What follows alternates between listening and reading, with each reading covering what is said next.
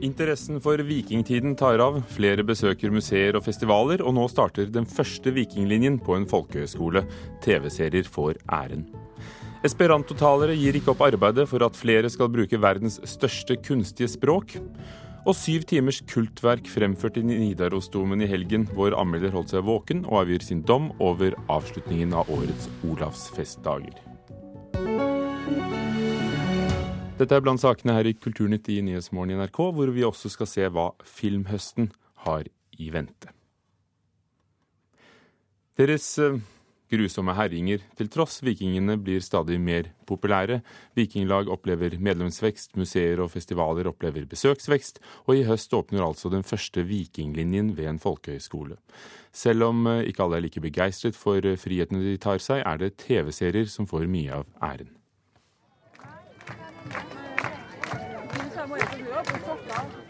Har på meg en, eh, en lang linkjole. I vikingtida så ville jeg da stått i kun undertøyet, men jeg er veldig tildekt eh, i dagens eh, standard, da. Det er jeg. Tonje Digre har akkurat dansa ringdans under det historiske markedet på Olavsfestdagene i Trondheim i helga. Hun er medlemsansvarlig i Trondheim Vikinglag og har hatt mer enn nok å gjøre de siste årene. De har gått fra rundt 40 medlemmer i 2011 til rundt 100 medlemmer i dag. Tonje forteller at også andre vikinglag merker den økte interessen. Flere vikingfestivaler er også mer populære enn noen gang, samtidig som nye festivaler popper opp. Det er jo veldig mange som eh, har sett deres seriene, Vikings og Game of Thrones. Det er jo eh, selvfølgelig en bidragsyter til at eh, ja, vi ser en økt pågang.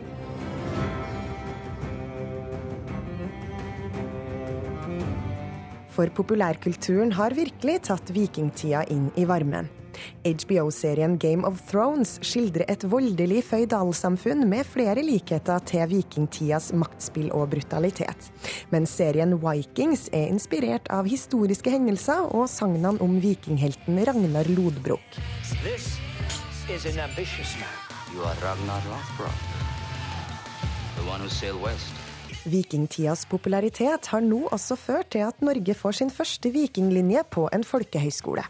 Og elever står nå på venteliste for å komme inn. Det er stor pågang, og vi ser på søknadene at eh, motivene er veldig forskjellige. Noen har interessen vekt gjennom TV-serier, andre gjennom ønsket om å bli, eh, lære seg håndverk. Vi kan eh, stå for kvaliteten, og hvis TV-serien vekker interessen, så er vi fornøyd, vi. Det sier Arve Husby, rektor ved Seljord folkehøgskole, som ble overvelda over responsen de fikk da de lyste ut stillinga som vikinglærer ved linja. De fikk søkere fra både Norge, Sverige, Tyskland og USA, men det var en danske som til slutt trakk det lengste strået. Ja, man kan godt si jeg er verdens første vikinglærer på en høyskole. Det sier Jeppe Nordmann Garli, som i høst skal lære 14 elever å leve som vikinger. Gjennom en grundig innføring i tradisjonsrike håndverk som bl.a. skosøm, trearbeid, smiing, keramikk og fremstilling av trekull. Jeg har et holdepunkt i det, og det tror jeg er riktig sunt, og det tror jeg man godt kan mangle i den her, man lyder som en gammel mann, men den her moderne verden Øh, hvor alt er så omskiftelig, og hvor, øh, hvor, alt går så hurtigt, har vi inntrykk av i hvert fall. Men vikinginspirerte TV-serier har han et ambivalent forhold til. Personlig kan jeg best like Game of Thrones. Jeg syns det er langt bedre enn Viking. Fordi det er så full av faktuelle feil. Det er så mange feil. Tilbake i Trondheim forteller Tonje at flere blir overraska når de finner ut at det eksisterer så mange vikinglag rundt omkring. Oi, finnes det noe sånt? Så kult. Eh, det her, eh, det her hadde jeg ikke trodd at fantes. Eh, og så blir de veldig glad, og så har de lyst til å sy seg egne klær og være med. Ja. Og reporter var Åsta Hoem Hagen. Direktør ved Kulturhistorisk museum i Oslo, Håkon Glørstad. Har dere merket økt pågang? Ja, vi har det. Eh, år i år tegner til å bli et veldig godt år på Vikingskipshuset, hvor vi ser eh, en eh, økning tilbake til storheten vi hadde før den økonomiske krisen. Men det som er enda mer gledelig, er at flere og flere kommer til museet nettopp for å oppleve museet spesielt. De har ikke kjøpt en slags pakketur med opplevelser i Oslo.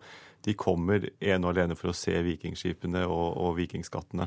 Og økningen der er på rundt 20 000 så langt flere øh, øh, i år, altså bare hittil. Ja, visst. Eh, men på Historisk museum øh, i sentrum Oslo så har dere en utstilling som har vakt oppsikt også utenlands? Ja visst. Det er jo særlig ett funn som har vakt stor oppsikt. og Det er dette sverdet fra Langeid, som er et veldig vakkert sverd fra vikingtiden, helt fra slutten av vikingtiden, fra Setesdalen, hvor, eh, hvor, eh, med vakker sølvdekor. Og Vi ser jo nå at dette sverdet det eh, har skapt stor interesse både i Norge, men også internasjonalt. Og Når vi hører om TV-serier og økt interesse, så er det alltid snakk om hvor historisk korrekt er fremstillingene. Nå skal det spilles inn en ny en som vi hørte om her i Nyhetsmorgen i, i, sommer av BBC, uh, The Last Kingdom, om uh, danske vikingers uh, invasjon av engelske kongedømmer. Var vikingene så ille som vi tror?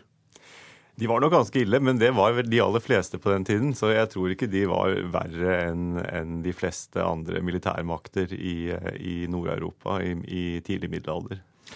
Så deres fremferd var egentlig helt normal? Ja, på mange måter var det det. Jeg tror nok kanskje vikingtoktene kom overraskende eh, på, eh, på eh, engelskmennene da de startet.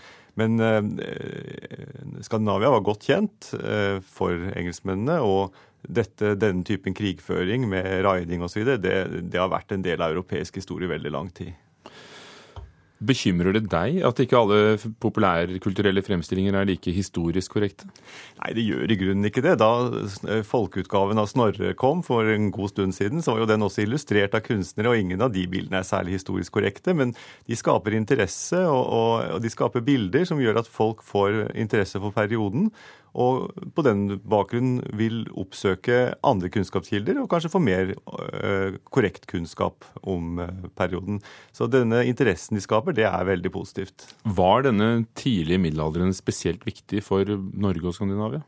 Ja, det var den. Det er jo på mange måter det som legger grunnlag for, for, øh, for middelalderens storhetstid, som Norge har hatt veldig stor interesse for historisk. Vi, vi, hørte I fjor så var det snakk om at uh, noen kritiserte spesielt uh, vikingskiphusene for at det ikke var uh, spektakulært nok. At det var kanskje en litt kjedelig utstilling. Men der er jo spørsmålet hvor mye skal et museum vise tingene? Og hvor mye skal dere gi opplevelser? Ja, Det er et veldig godt og eh, en god observasjon. og Jeg tror vi må skille litt her mellom hva som er Hollywoods oppgaver og de store serieprodusentenes oppgaver, og hva som er museenes oppgaver. Museene skal jo gi de autentiske gjenstandene, gi kunnskapen rundt dem, vise hvordan forskningen skaffer kunnskap. Mens, eh, og det å prøve da å konkurrere med, med, med TV-seriene blir jo på mange måter veldig feil, både med utgangspunkt i ressurser og utgangspunkt i sjanger.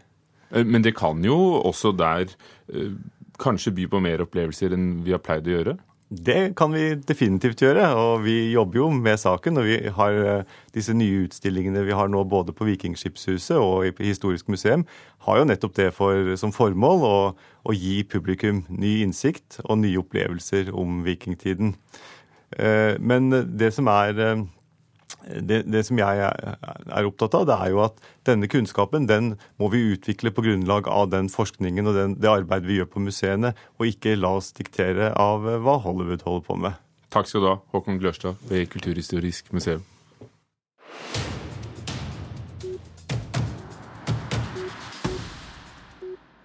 Flere norske medieselskaper bør gjøre som eh, Dagens Næringsliv og VG og legge ned klikkbaserte viralnettsteder. Det sier en eh, rådgiver som arbeider nettopp med sosiale medier, Ståle Lindblad. Folkene bak nettstedet bussit.no er fornøyde med å gi leserne glede og underholdning, mens eh, det forurenser journalistikken, sier Lindblad. Ja, dette her er en sånn tullesak. Folk som dusjer om morgenen er både lykkeligere og mer attraktive. Og så har jeg da spurt eh, masse mennesker om de føler seg bra av å dusje om morgenen. Og selvfølgelig svarer ja på det. Men det er jo tull. Det har jo ingenting med journalistikk å gjøre. Ståle Lindblad siterer en sak på buzzit.no, og er ikke spesielt begeistret. Dette er et eksempel på hvordan en tittel som ikke representerer innholdet i det hele tatt, altså bare er laget for å få folk til å klikke. Han gir råd til bedrifter om hvordan de bør promotere seg på sosiale medier, og mener at enkelte norske mediers jag etter lesere er et eksempel på det motsatte. Det er ikke lenger snakk om å produsere innhold som er bra, det er snakk om å produsere innhold som man kan lure folk til å klikke på. Så det forurenser journalistikken, og så, og så tar du bort all tilliten du har til nettaviser. Før helgen ble det klart at både VG og Dagens Næringsliv legger ned sine såkalte virale nettsteder. Sider med lettbeint og underholdende stoff, og titler som disse. Hun ble anklaget for å være en dårlig mor. Les hennes klokkerene svar. Dette bildet får folk til å klikke i vinkel, kan du skjønne hvorfor? Titler spesiallaget for å spres i sosiale medier. Nå mener Lindblad at flere bør følge VG og DN. Jeg syns de bør legge det ned alle sammen. Jeg syns ikke norske mediehus skal ha sånne type sider i det hele tatt. Jeg syns de skulle legge ned alle de satsingene. Det hele startet med det amerikanske nettstedet BuzzFeed for snart ti år siden, som det siste året har fått flere norske konkurrenter. Blant dem har omsnakket.no sluttet å produsere innhold, men Egmont fortsetter sin satsing på superlike.no. Det samme gjør BuzzIt.no. Å legge ned BuzzIt når det, det har såpass stor trafikk som det faktisk har nå, det er veldig lite aktuelt. Pål Nedregotten er innovasjonsdirektør i Amedia, som eier Bussit.no. Nettstedet har over 300 000 brukere hver uke. Flesteparten er under 30, og flesteparten er kvinner. Det er disse som bør bedømme om innholdet forurenser journalistikken eller ikke, mener Nedregotten. Altså, Tullesaker for hvem da? Det er helt sikkert en tullesak for han, og det er helt sikkert en tullesak for meg også. Men jeg tror ikke nødvendigvis det er en tullesak for den 26-åringen som velger å dele den på, på Facebook med vennekretsen sin, som får glede, underholdning av å lese den. Og reporter her var Marie Røsland. Klokken er straks kvart over åtte. Du hører på Nyhetsmorgen i NRK. Overskriften i dag Stortinget overprøvde regjeringen. Flere nye veistrekninger får gjennomsnittsmåling. Medlemslandene i FN er blitt enige om å arbeide for å utrydde ekstrem fattigdom og sult innen 2030. Og arbeidsløsheten for innvandrere øker, men vi trenger dem i bedriftene, sier Næringslivets hovedorganisasjon. Og her i Kulturnytt skal vi videre til Nidarosdomen og noe som skjedde i helgen.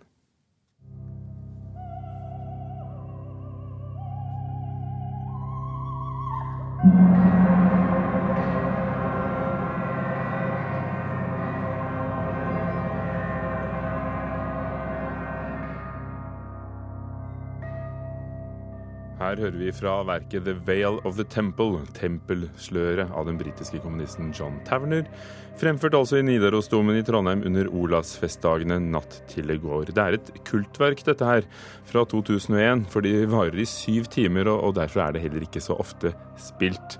Eh, en av dem som holdt seg våken gjennom natten, var vår anmelder Øystein Sandvik. Eh, hvordan var det? Du, dette var en helt uh, opplevelse. Så jeg tviler på at jeg noen gang kommer til å oppleve noe lignende pga. de gigantiske dimensjonene på dette verket. Altså et verk for flere kor uh, plassert rundt om i katedralen. Et veldig rituelt verk som oppleves kanskje like mye som en våkenattsgudstjeneste som et musikkverk i tradisjonell forstand. Altså det er mange sånne liturgiske elementer i musikken her, og store deler av musikken består av messing eh, av én solosanger, av tekstutsnitt fra Bibelen og andre steder. Og som publikummer så blir man like mye deltaker som tilskuer på et uh, vis. Vi blir da oppfordra til å bevege oss mye rundt i Eh, i Nidarosdomen. Og eh, noen valgte nok å bli sitte, sittende på plassene sine mye av uh, tiden. Men de aller fleste bevegde seg rundt. Man lå på gulvet, man satt på denne puta man hadde fått utdelt. Og korsangerne måtte også bevege seg my mye rundt, for de skulle flytte seg fra vestskipet til østskipet f.eks. Sånn at avstanden mellom utøver og publikummet ble jo da litt sånn oppheva. Og intensjonen med dette enorme verket med denne lange varigheten er jo da ta med lytteren gjennom en slags sånn transformasjonsritual, nærmest, hvor man da skal nå frem til en slags høyere sannhet eh, på slutten. Altså enormt pretensiøst sånn sett, og ankepunktet for min del blir selve musikken. Altså musikken er enkel og vakker, med bruk av mye østlige og arkaiske elementer, i tillegg til noen ting som klinger som mer moderne kormusikk. Men det er knapt en eneste takt av dette verket som ikke minner om noe som man har hørt før. Ehm, så det er en veldig tilgjengelig, men lite original musikk. Ehm, jeg tror nok at veldig mange lot seg gripe av dette, men for min del så ble jeg ikke helt tatt med til steder jeg ikke hadde vært før. Da. Så den store musikalske rystelsen uteble for min del. Hva var det John Tavner ville selv med verket? Altså, han, eh, han, ville jo da altså samle, for det første samle tekster, uh, hovedsakelig kristne, men også ortodokse. Altså han konverterte til, uh, til gresk-ortodoks uh, tro, og, og, hentet også tekster her fra, fra indisk filosofi, fra islam. og lage et, et, et, religiøst verk som skulle på en måte ha et slags allment budskap. Så, så, tanken hans er nok nettopp denne transformasjonen. altså Um, og Det er jo da komponert for mange vokalensembler av forskjellig størrelse. De er plassert ofte i hver sin ende av hovedskipet med lang avstand mellom seg. Store utfordringer med dette. altså Det er jo da tre dirigenter i sving ofte som kommuniserer gjennom video. Uh, og også et lite instrumentalensemble. Mye orgel og slagverk. Og så består det da av disse åtte syklusene, hvor den siste da som vi hører her skal da være en slags skildring av den guddommelige tilstanden. Altså når dette tempelet Eh, dette eh, forhenget i tempelet revner på slutten.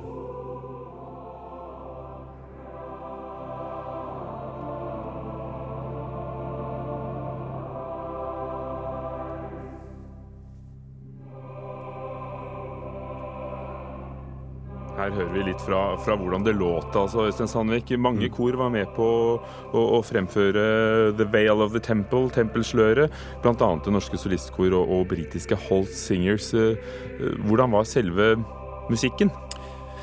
Ja, altså, du, altså Fremførelsen var jo da eh, imponerende. altså Det er jo en formidabel innsats her fra både profesjonelle og, og, amatører. altså Det er jo som sagt sju timer, så det er mye musikk å holde styr på selv, om det var veldig mye repetisjon underveis. altså En del fraser ble gjentatt utrolig mange ganger, sikkert opp mot 100 ganger. Vi hørte denne Kyrie Leison-vendingen som han bruker, f.eks. Ehm, men, men, solid innsats, ikke minst da fra de mange sangerne fra Det Norske Solistkor, som tok på seg mange av de, disse solopartiene, disse messende partiene med tekst fra, fra Nye testamentet. Ehm, så dette er, dette er, et enormt ressurskrevende verk og et risikabelt prosjekt som ble dratt til land eh, på en god måte. Samtidig er jo dette da hovedverket til en av de ledende komponister fra, fra nyere tid. Eh, det, det, fremføres knapt eh, i det hele tatt fordi det er så enormt eh, ressurskrevende, og mange hadde nok dratt land og strand for å, for å oppleve dette i Nidarosdomen. Da hører vi litt mer på John Taverner. Takk skal du ha, Øystein Sandvik, at du snakket om The Veil of the Temple i Nidarosdomen.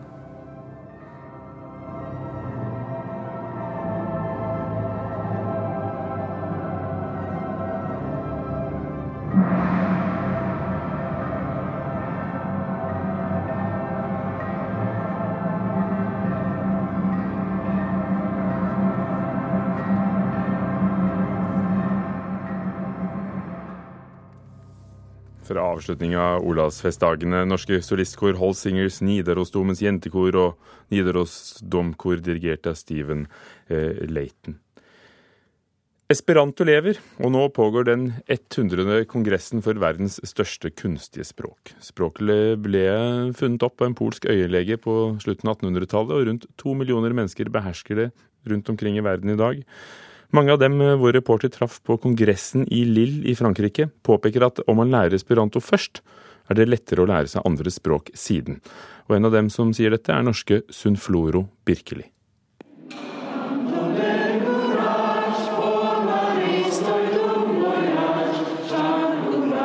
Altså, jeg vil bare si at jeg ønsker inderlig vi får det inn i skolene. Altså, fra barneskolen av, at de lærer esperanto. Og så får de lære det engelsk og tysk og fransk etterpå. Det syns jeg. Alle språk etterpå. For det, det er en sånn oppsparing av midler for å få lov å slippe å ha oversettere. Og oversettere, det er en klasse for seg sjæl. De er primadonnaer, for de har en enorm makt. Ja, så sier Ellen Dalen og Sunfloro Birkeli. De taler flytende esperanto og har vært med over ti ganger hver på ulike esperantokongresser. De er også med i den internasjonale esperantokören som her repeterer inför en forestilling.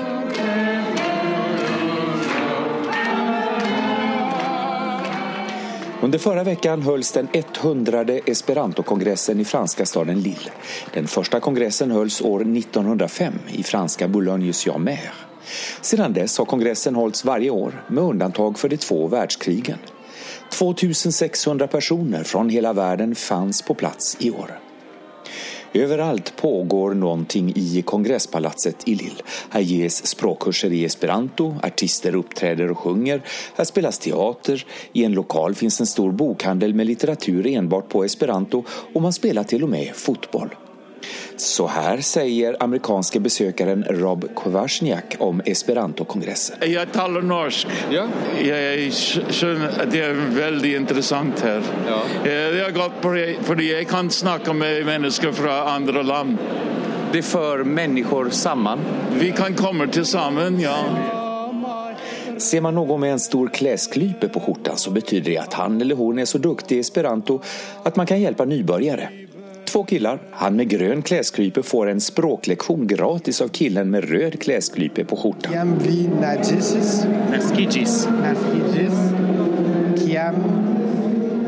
Ökad förståelse och minskad risk för krig och konflikter mellan olika länder och folk var upphovsmannen Zamenhofs syfte med esperanto. Han ville att det skulle fungera som ett andra språk istället för engelska, tyska eller franska. I dagsläget varken ökar eller minskar antallet människor som kan tala esperanto. Flera tiotusentals människor kan tala esperanto runt om i världen. Men språket har inte antagits officiellt av någon stat ännu. Ändå finns det lobbygrupper som verkar för esperanto inom exempelvis Förenta Nationerna och EU. Esperantoakademins sjef Christer Kiselman tror dock at det blir svårt å få en stor internationell organisation å velge esperanto som arbeidsspråk. Og det beror på det her, sier han. Det som saknas er jo et medvetande om medmenneskelig solidaritet For at det hele börjar jo med eh, att förbättra relationer mellom olika folkgrupper. Och nu ser vi en olycklig utveckling med nationalism av olika starka nyanser i, i flera olika länder. Och det är ju ett stort hot eh, alldeles oavsett den språkliga situationen.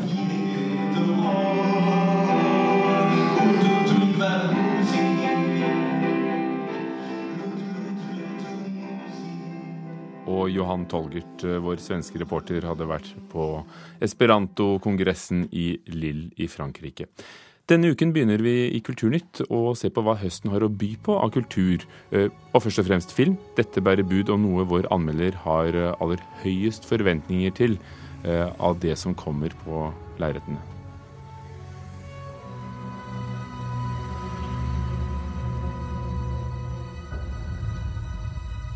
Force is strong in my family.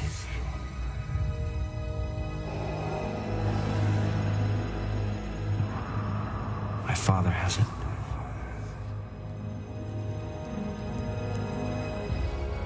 I have it. My sister has it. You have that power too. Birger Vestmo, filmanmelder i Filmpolitiet i NRK P3. Har du også kraften til å ja, tro? Jeg har i hvert fall store forventninger til den nye Star Wars-filmen The Force Awakens, som har premiere 16.12. Dette er filmen de aller fleste venter på det neste halvåret. Vi snakker om et av filmhistoriens mest kjente og kjære univers, bokstavelig talt, og en film som tar opp tråden 30 år etter Jedi-ridderen vender tilbake fra 1983, og vi får gjensyn med Luke, Leia og Han Solo, så dette tror jeg blir den største filmen, i hvert fall i løpet av eh, desember måned. Da. Tror du de kunstneriske ambisjonene er like store som, som de kommersielle? Jeg håper det. Nå har regissør JJ Abrams eh, oppnådd et eh, rykte og renommé i science fiction fra før. Han gjenoppliva Star Trek-universet på en forbilledlig måte, og så jeg håper han kan gjøre det samme for Star Wars. Andre internasjonale storfilmer du venter på? Jeg vil allerede denne uka foreslå Amy, som er en sterk dokumentar om livet til den britiske soulsangeren Amy Winehouse. Den har premiere nå på, på fredag. 28. august kommer Innsiden ut, en ny vinnerfilm fra Pixar om følelsene som styrer i hodet til ei lita jente. Eh, Dipan, gullpalmevinneren fra regissør Jacques Audiard, skal få norgespremiere i løpet av eh, oktober. Og så da i november er det duket for ny James Bond-film, Spekter, i en regissør regissert av Sam Mendes, med Daniel Craig, Ray Fiends, Monica Bellucci, Christoph Waltz og Lea Seydoux på rollelista. Vil den eh, ta opp tråden fra, fra de største Bond-suksessene, tror du? Vi håper det. Det at eh, Spekter eh, er tittelen på filmen, tyder jo på en retur til Bonds røtter. Eh, De som har de gamle Bond-filmene friskt i minne, vil jo vite at Spekter er den forbryterorganisasjonen som herja med Bond gjennom flere filmer på 1960-tallet. Så her er det håp om at man binder Bond sammen med røttene i en nyskapende actionfilm. Vi får ikke snakket om alle, men hvilke norske filmer eh, vil prege høsten? Jeg har stor tro på Bølgen, som har premiere 28. august og åpner filmfestivalen i Haugesund en uke før det, med Kristoffer Joner og Anne Dahl Torp i to av hovedrollene. Eh, Det det er da den første norske katastrofefilmen, rett og slett, eh, om et skred som utløser en flodbølge i Geirangerfjorden. Eh, Effektene eh, har vi sett eh, små biter av allerede i diverse trailers, og det virker som at den biten er på plass. Og så blir det spennende da om regissør Roar Uthaug også greier å fortelle en engasjerende historie om figurene som befinner seg midt i dette kaoset. da. Jeg vil også trekke frem Louder Than Bombs av Joakim Trier, som jo da ble vist på Cannes-festivalen i mai og får premiere 2. oktober. Eh, Trigger har mange fans i Norge, og det fortjener han, også med Louder Than Bombs, der han viderefører sitt poetiske, modige, friske filmspråk. Birger Vestmo, ø, barnefamilien får barnefilmene får bli et annet kapittel som vi tar opp når, når det kommer. Det gjør vi. Men Knutsen og Ludvigsen er, kommer på lerretet, og det tror du på? Ja, jeg har stor tro på det. Der vil både barn og voksne og eldgamle befinne seg på kino, eh, og forhåpentligvis eh, til en god film. Takk, Birger. Espen Hansen var teknisk ansvarlig for Kulturnytt. Thomas Alverstein Ove, produsent, og Ugo Fermariello, programleder, og du hører på Nyhetsmorgen, og klokken er blitt halv ni.